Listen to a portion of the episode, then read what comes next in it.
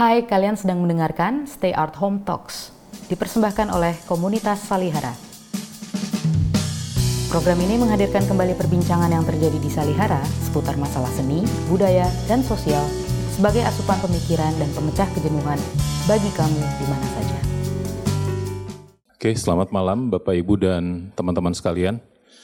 Sebuah kehormatan untuk kita uh, duduk untuk membicarakan satu hal yang menarik di sini terkait dengan masalah keindonesian dan ketionghoaan. Mungkin beberapa dari Anda mungkin bertanya-tanya, apa betul ada kontribusi dari masyarakat Tionghoa untuk pergerakan kebangsaan begitu ya? Dan kira-kira kalaupun ada kontribusinya apa?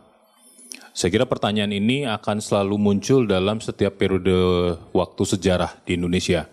Dan karena hari ini kita akan berbicara tentang sejarah, jadi kita akan bicara tentang masa lalu. Oke, silakan Mas Di. Ya, selamat malam Ibu Bapak sekalian yang saya hormati. Saya memberikan judul presentasi saya, Baba bisa menjadi Indonesia. Baba itu adalah sebutan bagi golongan peranakan Tionghoa di masa kolonial.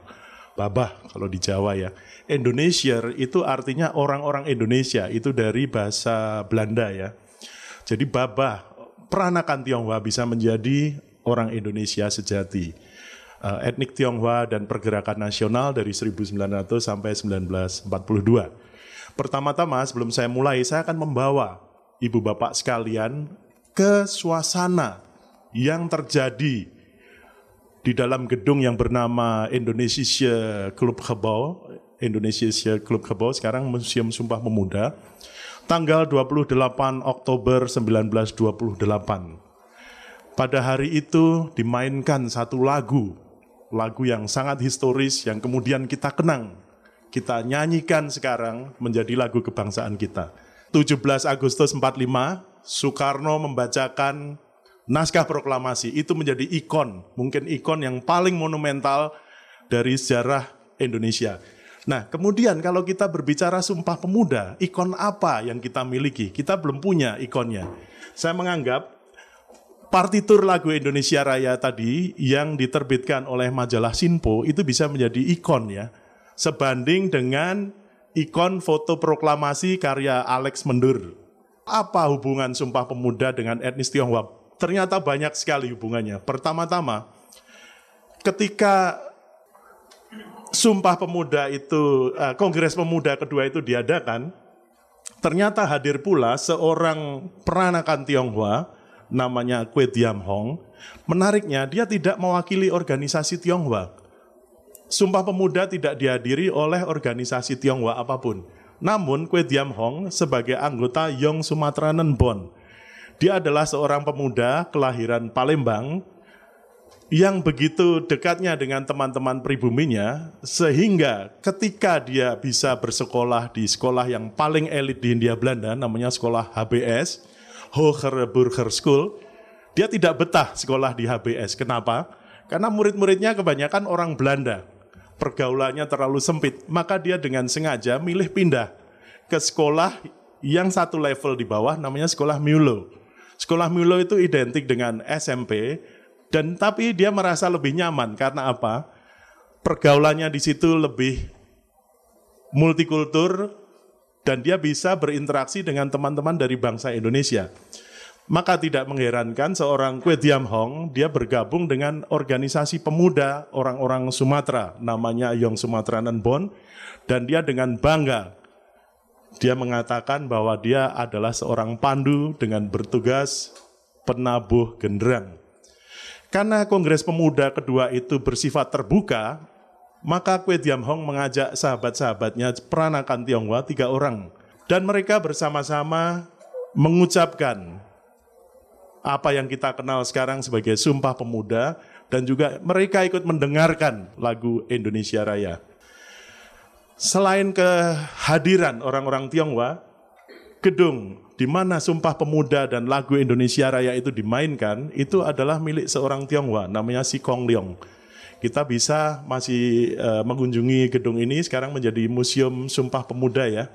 Kemudian lagu Indonesia Raya yang tadi saya usulkan menjadi ikon pertama kali tidak ada media lain yang memuat partitur lengkap ini kita pernah punya lagu yang dimainkan di dalam Kongres Pemuda itu belum Indonesia Raya, bukan Raya Pak, itu Indonesia aja, jangan ditambahin. Ketika terbit kita baru tahu bahwa ternyata judulnya adalah Indonesia, belum Indonesia Raya. Rancangan salah satu lagu kebangsaan Indonesia yang dinyanyikan di dalam Kongres Pemuda 28 Oktober. Nah, kemudian ketika lagu itu semakin dikenal, Supratman ingin lagunya bisa lebih dikenal, maka dia mengusulkan kepada percetakan Sinpo, dia hendak mencetak ini sebagai uh, loss uh, ini ya sebagai eceran. Orang bisa membeli. Dia cetak sebanyak 4000 eksemplar di percetakan Sinpo juga. Jadi Anda bisa lihat evolusi lagu itu dari Indonesia menjadi Indonesia Raya ingin saya tambahkan juga keputusan Sinpo untuk memuat lagu Indonesia Raya secara lengkap itu adalah keputusan yang sangat berani karena seperti kita lihat nanti pemerintah kolonial melihat lagu ini sebagai lagu yang berpotensi subversif dan lagu Indonesia Raya sempat dilarang. Jadi pemimpin redaksi Sinpo dalam memoarnya mengatakan ketika Sinpo memuat lagu Indonesia Raya itu, kemudian keesokan harinya mereka menerima banyak telepon dari intelijen Belanda. Mengapa Anda memuat ini? Kenapa Anda nekat berbuat ini dan lain sebagainya. Jadi itu adalah keputusan yang sangat berani memuat lagu Indonesia Raya. Pak Udaya beruntung sekali masih bisa mewawancarai putri Yokim Chan, namanya Ibu Kartika. Ibu Kartika banyak cerita, ternyata lagu Indonesia Raya itu direkam sebelum Kongres Pemuda. Sudah ada piringan hitamnya antara tahun 26-27. Karena banyak mitos atau cerita-cerita yang beredar, Supratman menulis Indonesia Raya karena ada Kongres Pemuda itu. Ternyata tidak. Justru sebelumnya Supratman sudah membuat lagu Indonesia Raya. Itu yang perlu diselidiki lebih lanjut tepatnya kapan. Tapi intinya bukan minggu depan ada kongres terus hari ini dia membuat bukan. Jauh sebelumnya bahkan sudah menjadi piringan hitam. Piringan hitam Yokim Chan ini sebetulnya ada dua versi. Sebetulnya di bagian awal ada orang menarasikan orkes Indonesia itu adalah suara dari Yokim Chan. Kemudian di dalam orkes itu Supratman memainkan biola. Selain versi instrumental, Yokim Chan juga merekam versi dengan vokal Supratman. Namun sayang sekali, ketika Indonesia merdeka dan lagu Indonesia Raya ini istilahnya menjadi hak milik negara, pemerintah dalam tanda kutip menyita master yang masih dimiliki oleh keluarga Yokim Chan, dua piringan hitam itu sehingga versi vokalnya sampai sekarang tidak pernah ditemukan. Itu adalah PR yang harus uh, diselesaikan ya, karena di mana itu? Itu adalah bukti otentik. Kalau proklamasi kita punya foto karya Alex dan Franz Mendur, Bung Karno uh, membacakan naskah proklamasi. Bahkan 10 tahun kemudian Bung Karno merekam ulang naskah proklamasi di studio Lokananta, itu ada buktinya. Tapi mana ini rekaman dengan vokalnya Supratman itu kok dihilangkan oleh pemerintah Indonesia? Itu kan ironis sekali. Kenapa gitu loh? Itu harus diselidiki. Nah, kemudian pertanyaan yang akan saya ajukan untuk uh, ceramah ini, pada tahun 1934, sebuah surat kabar di Semarang menulis satu artikel yang mempertanyakan demikian. Apakah Babah yang banyak perbedaannya dengan lain-lain golongan orang Indonesia bisa menjadi orang Indonesia sejati? Setelah dia memberikan argumennya, kemudian si penulis ini menutup dengan kata-kata yang menurut saya sangat bagus, menunjukkan posisi si penulis ini di mana dia berada. Saya langsung baca ejaan bahasa Indonesianya ya. Jikalau peranakan Tionghoa yang mendengar suara hatinya mau melekatkan nasibnya bersama-sama orang Indonesia pada tanah air Indonesia ini, ia pun mesti dianggap orang Indonesia sejati. Ternyata setelah diselidiki, penulis artikel ini adalah salah satu founding father kita, namanya Lim Kun Hian. Beliau adalah salah satu anggota BPUPK, bukan BPUPKI ya, karena uh, istilah Jepangnya tidak memakai kata Indonesia, jadi istilahnya BPUPK. Di BPUPK, selain mengusulkan warga peranakan Tionghoa secara otomatis menjadi warga negara Indonesia di dalam Indonesia yang merdeka nanti, Lim Kun Hian juga mengusulkan kebebasan pers. Golongan Tionghoa ini diposisikan oleh kolonial Belanda menjadi apa yang di dalam ilmu sosial disebut sebagai middleman minority, ada juga yang menyebut trading minority. Minoritas perantara, minoritas pedagang, mereka dia ada di antara penguasa sebagai big bossnya dengan rakyat pribumi. Mengapa? Karena pemerintah Belanda membutuhkan perpanjangan tangan untuk menjual barang-barang produk Eropa ke masyarakat di level bawah. Orang Belanda tidak punya cukup sumber daya manusia, mereka terbatas dalam jumlah, mereka perlu orang-orang yang bisa membantu mereka dalam bidang bisnis, perdagangan, dan lain sebagainya. Untuk itulah orang Tionghoa diposisikan sebagai middleman minority. Middleman ini bisa menjadi kaya secara materi, namun secara politik dia lemah. Karena di bawah posisinya dia dibenci. Perpanjangan tangan kolonial, pasti orang membenci. Kaya secara materi, lemah secara posisi politik, sosial, dan lain-lain. Di dalam masa-masa sulit, minoritas perantara ini adalah kambing hitam sejati. Kambing hitam yang paling mudah anda bisa lihat pola-pola dalam sejarah Indonesia. Di mana ada vacuum of power, di mana ada pergantian kekuasaan, diperlukan kambing hitam. Minoritas perantara ini dah adalah kambing hitam yang paling available. Mereka punya toko-toko di jalan utama. Mereka ada di mana-mana dan kelihatan. Itu kambing hitam yang par excellence. Inilah memang yang uh, dikondisikan oleh pemerintah Belanda sehingga middleman minority mau tidak mau tergantung belas kasihan penguasa. Lindungilah saya, Anda saya jamin secara ekonomi, simbiosis mutualisme. Itulah pemerintah kolonial ya. Jadi Anda bisa lihat di dalam ilmu sosial seorang social scientist Amerika bernama Edna Bonacich itu yang pertama kali mengemukakan konsep middleman minority ini posisi sebagai golongan minoritas perantara diperkuat lagi oleh kolonial Belanda dengan undang-undang. Jadi dilegalkan. Masyarakat kolonial itu dibagi atas warna kulit dan segregasi. Masyarakat Hindia Belanda waktu itu terbagi seperti piramida. Di bagian paling atas, tentu paling kecil pastilah tuan-tuan Eropa, orang Belanda, orang Jerman, dan lain sebagainya. Namun Belanda tidak konsisten, karena orang Jepang juga masuk sebagai orang Eropa. Padahal matanya sama-sama sipit, kulitnya sama-sama kuning. Tapi revolusi Meiji, restorasi Meiji membuat Jepang bisa mengalahkan maha gurunya, yaitu Tiongkok. Dan di tahun 1904-05, si macan Asia ini bisa menghancurkan armada Rusia.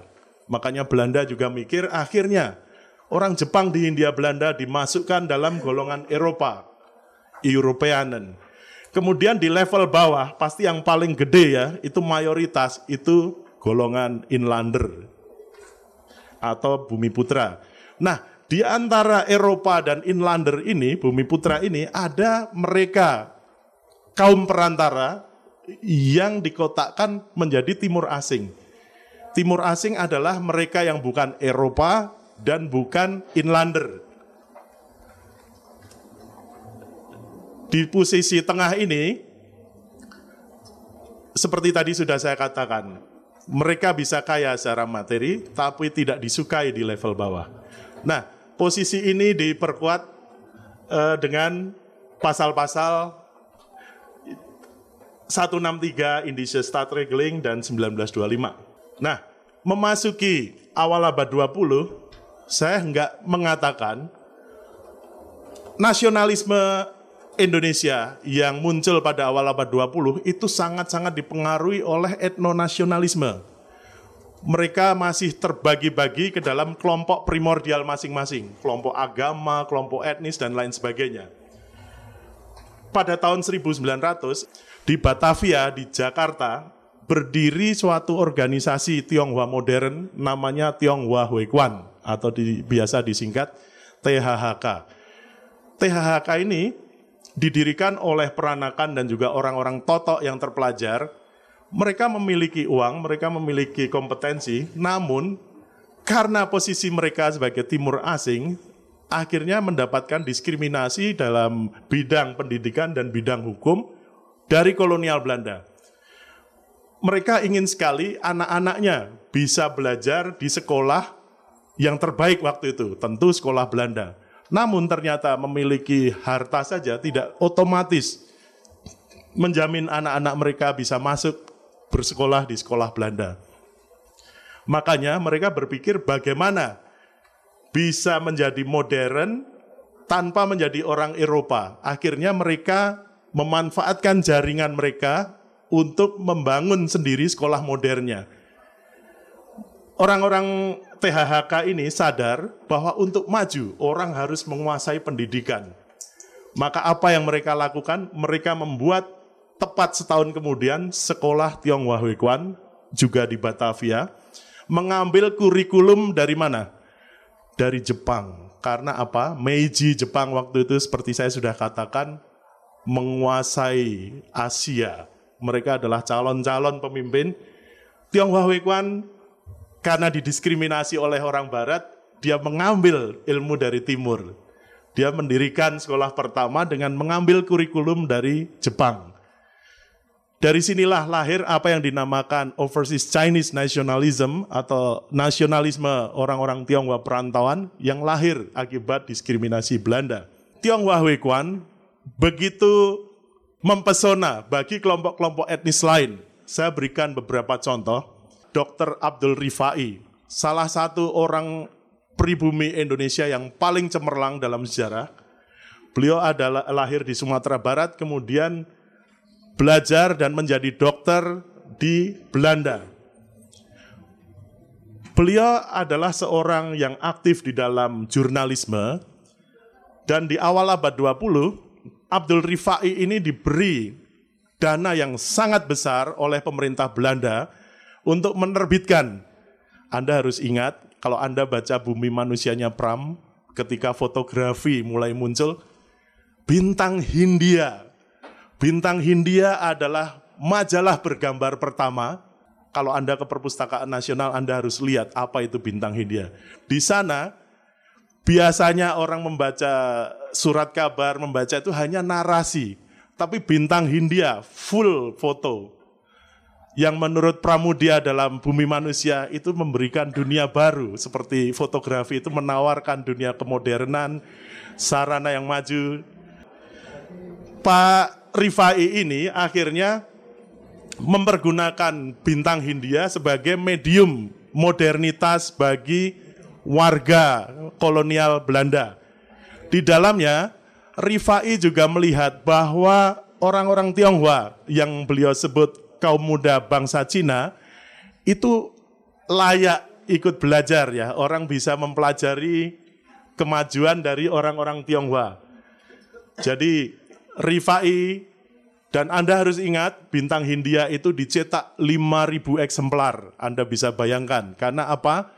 Itu adalah medium propaganda politik etis. Namun oleh Rifai dipergunakan untuk menunjukkan kemodernan yang dilakukan oleh kaula-kaula kolonial di Hindia. Nah ternyata Tionghoa Huikuan juga mempesona etnis Arab ya. Ada buku yang bagus sekali dari peneliti Australia, uh, Mobini Cash ya, mengatakan bahwa ketika komunitas Arab membuka sekolah modern bernama Jamiat Khoir, ternyata mereka juga mengambil ide itu dari Tionghoa Huikuan. Nah, tentu anda tidak bisa menafikan Budi Utomo. Dr. Wahidin Sudiro Husodo sebagai aktor intelektual Budi Utomo, sebagai redaktur koran Retno Dumila di Yogyakarta, Dr. Wahidin banyak memuat tulisan-tulisan tentang kemajuan di Tiongkok, serta mengajak bangsa Bumi Putra agar maju menurut orang Tionghoa dan orang Arab.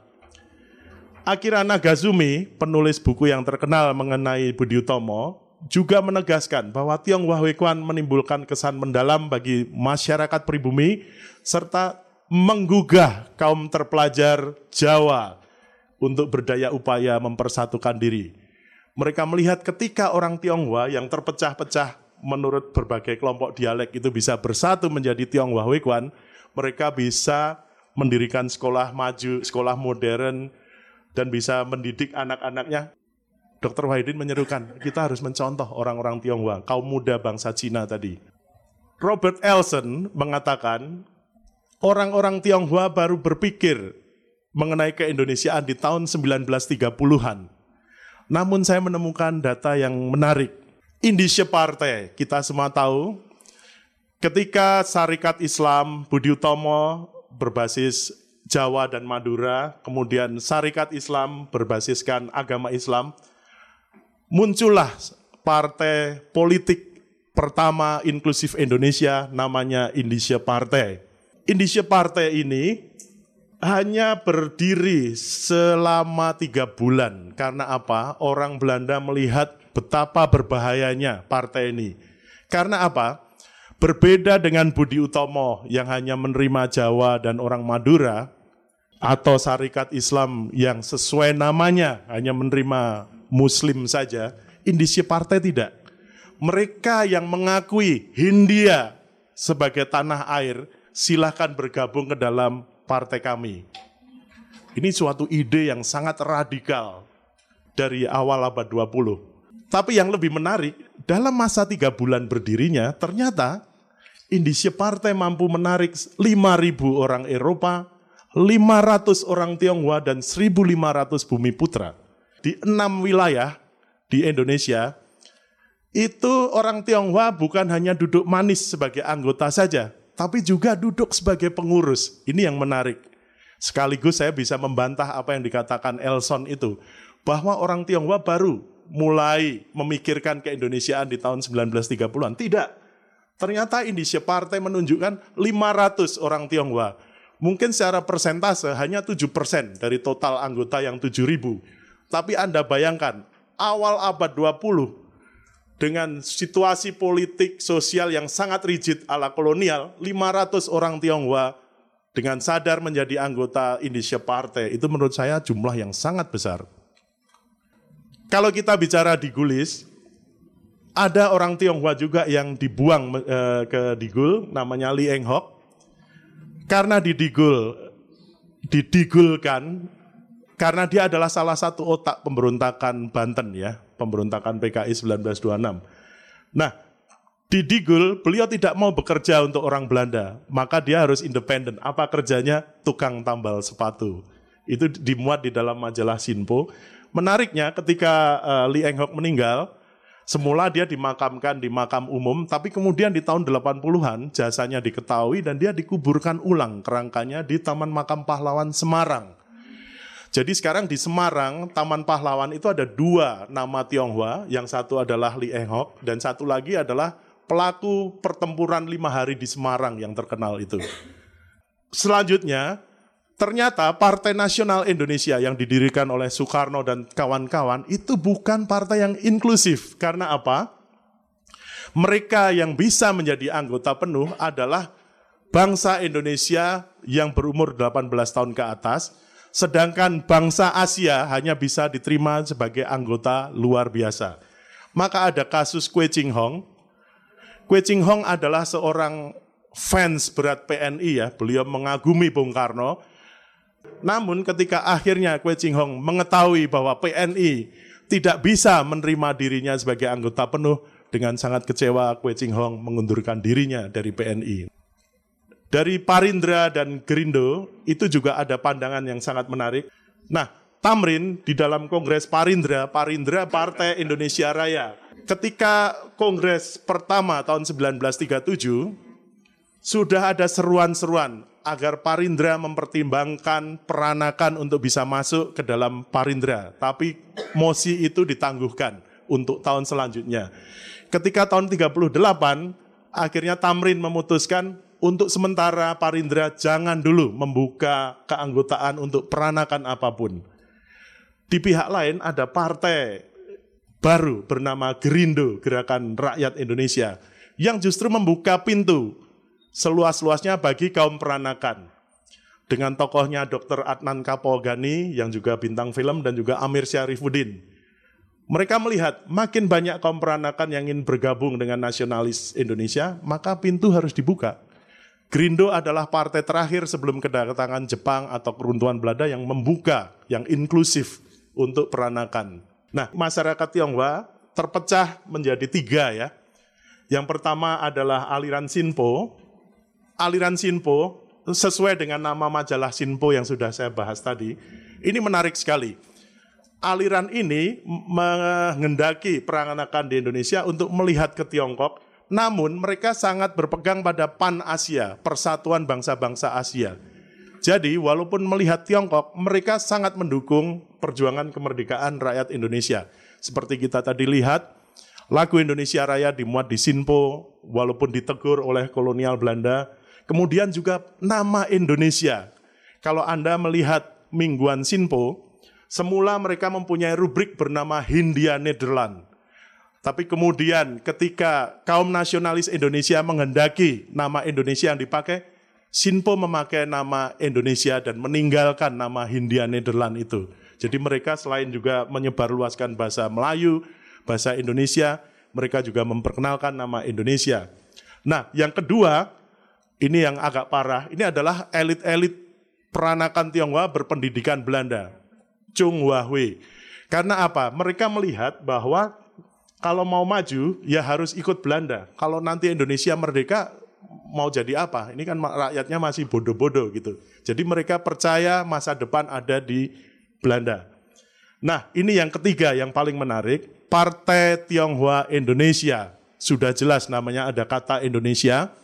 Ini digawangi oleh Lim Kun Hian, tokoh yang tadi saya sampaikan di awal tadi berdiri bulan September 32 di Jawa Timur, di Surabaya.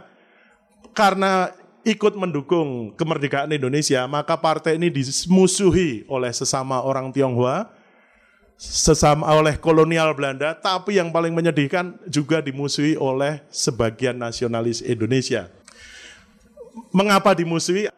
Kasus Lim Kun Hian, seorang wartawan senior dengan nama samaran Sumbadra Putra itu adalah Su, uh, Cokro Siswo, Sudaryo Cokro Siswoyo, ketika Lim berjuang untuk Indonesia, komentarnya adalah kami menghargai uh, perjuangan Anda, tapi toh Anda itu orang Cina. Dan ini di, uh, saya temukan di dalam sumber laporan intelijen Belanda kepada pemerintah kolonial. Jadi rupanya Belanda senang sekali Lim yang bandel, Lim yang berjuang untuk kemerdekaan Indonesia ini ditolak oleh nasionalis berasal dari Jawa. Nah, kemudian ketika terjadi perdebatan dengan Dr. Sutomo mengenai Jepang itu sebagai inspirasi atau agresor Asia, Lim Kunyan dan Sutomo berdebat dengan sangat keras. Akhirnya perdebatan itu keluar dari esensinya. Dan orang malah mencina-cinakan Lim Kunyan. Anda itu orang Cina, Anda dendam karena Tiongkok diserbu oleh Jepang dan lain sebagainya. Tapi akhirnya ada penengah, Penengahnya namanya Dr. Cipto Mangunkusumo. Dr. Cipto mengatakan bahwa ada kesalahan dalam argumen uh, eh, Dr. Cipto dan juga di Lim. Tapi intinya ini yang menarik. Lim Kun Hian adalah seorang Indonesian dengan atau tanpa peci. Made of Sonder peci, Lim Kun Hian is an Indonesian. Itu kata-kata dari Dr. Cipto Mangunkusumo persahabatan yang dekat sekali antara Lim Kun Hian dengan Dr. Cipto ini membuat kita bisa temukan dalam kesaksian Des Alwi, menjelang kepulangan Dr. Cipto, Lim Kun Hian berperan sangat besar ya. Ketika beliau sakit, adalah Dr. Uh, Lim Kun Hian yang membawa Dr. Cipto ke rumah sakit yang Seng I, rumah sakit Husada kalau nggak salah sekarang. Nah, saat beliau wafat, yang mengurus jenazah itu adalah Lim Kun Hian dan istrinya. Kemudian karena Dokter Cipto ingin dimakamkan di kampung halamannya di Ambarawa, lagi-lagi Lim Kun Hian yang mengurus transportasi dari Sukabumi ke Ambarawa. Dokter Cipto wafat di masa zaman Jepang, transportasi sulit, tapi Lim Kun Hian karena beliau sangat hormat kepada Dokter Cipto, semuanya dia yang mengurus. Nah, ini yang uh, saya rasa cukup menarik. Apakah Arab dengan Tionghoa itu uh, saling mendukung atau berantem atau bagaimana? Ternyata justru Partai Tionghoanya Lim Kun Hian ini memberikan semangat keindonesiaan kepada saudara-saudaranya sesama timur asing dari golongan Hadrami, orang-orang Arab. Lim Kun Hian bersahabat dekat dengan orang bernama Abdul Rahman Baswedan, yang tidak lain adalah kakeknya Pak Anies Baswedan, Gubernur DKI. Ketika Baswedan berkenalan dengan Lim Kun Hian, menarik sekali apa yang dikatakan Lim Kun Hian. Tuan Baswedan, menulislah untuk Sintitpo. Sintitpo adalah koren yang dipimpin oleh Lim Kun Hian. Sintitpo bukan lagi surat kabar Tionghoa, tapi surat kabar kulit berwarna yang di dalamnya juga termasuk golongan Arab. Baswedan bekerja di Sintitpo dan Baswedan memakai Sintitpo untuk menghantam musuh besarnya yaitu golongan Sayyid ya, golongan Arabitah itu yang dimusuhi oleh Baswedan. Nah, Abdurrahman Baswedan berkat pergaulannya dengan Lim Kun Hian, beliau mengajak saudara-saudaranya dari kalangan Hadramaut untuk mencintai negeri ini. Karena waktu itu masih banyak orang-orang Arab yang mengidolakan Hadramaut sebagai tanah airnya, bukan tanah di mana dia dilahirkan. Akhirnya, dua tahun setelah berdirinya Partai Tionghoa Indonesia, Baswedan mendirikan Persatuan Arab Indonesia, belum partai ya, yang tiga tahun kemudian berganti nama menjadi Partai Arab Indonesia. Nah, ada satu hal yang menarik dari kelompok Arab ini. Kalau Lim Kun Hian dikatakan Cipto, memakai peci atau bukan dia orang Indonesia, Baswedan memakai blangkon. Karena waktu itu orang Arab jarang sekali yang mau memakai baju Indonesia, peci pun mereka beda pecinya. Ham, Hamka pernah menulis artikel yang bagus mengenai peci uh, orang Arab. Waktu itu mereka lebih suka memakai tarbus ya. Nah, pakai belangkon dan beskap sambil ngopi-ngopi sama temennya yang uh, orang Jawa. Baswedan jelang mendirikan Partai Arab Indonesia, mereka membuat acara yang bernama Sumpah Pemuda Keturunan Arab. Ini ada satu, dua, tiga poinnya saya rasa sangat menarik. Tanah air peranakan Arab adalah Indonesia, karena sebelumnya adalah Hadramaut, mereka mengidolakan masyarakat Arab harus meninggalkan isolasi diri dan memenuhi kewajibannya terhadap tanah air dan bangsa Indonesia. Nah, saya menutup ini paparan saya. Sikap etnik Tionghoa terpecah menjadi tiga golongan, namun sebagian besar orang Tionghoa harus diakui memang sebagai minoritas perantara mereka kurang tertarik dengan politik ya. Jadi mereka yang masuk politik itu tidak banyak. Tahap awal nasionalisme Indonesia di pihak lain masih bersifat primordial. Banyak partai yang ternyata tidak mau menerima orang Tionghoa atau peranakan lainnya, peranakan Indo, peranakan Arab sebagai anggota. Jadi kalau orang menuduh, wah orang Tionghoa, orang Arab dulu nggak mau ikut pergerakan. Iya, nanti dulu karena tidak semua partai mau menerima, membuka pintu untuk kaum peranakan. Kita sudah lihat tadi. Di dalam uh, bukunya Idea of Indonesia, uh, Elson juga memberikan analisisnya. Orang-orang Indonesia non pribumi kurang tertarik dan agak curiga dengan arus utama nasionalisme Indonesia yang tidak mengatakan apa pun kepada mereka, tidak memberi dukungan bagi rasa identitas khas dan kepentingan khusus mereka, serta mengancam status mereka saat itu. Kesimpulan, yang pertama, bersama-sama dengan saudara-saudaranya dari etnis lain, orang Tionghoa telah ikut berjuang mendirikan negara dan bangsa Indonesia. Kedua, adanya kaitan yang erat antara Tionghoa dengan momen historis Sumpah Pemuda. Dan yang ketiga, hadirnya Partai Indonesia, Tionghoa Indonesia mengilhami Partai Arab Indonesia yang terakhir, Baba ternyata bisa dan mau menjadi Indonesia. Dan dengan ini saya akhiri ceramah saya. Terima kasih atas perhatian rekan-rekan sekalian.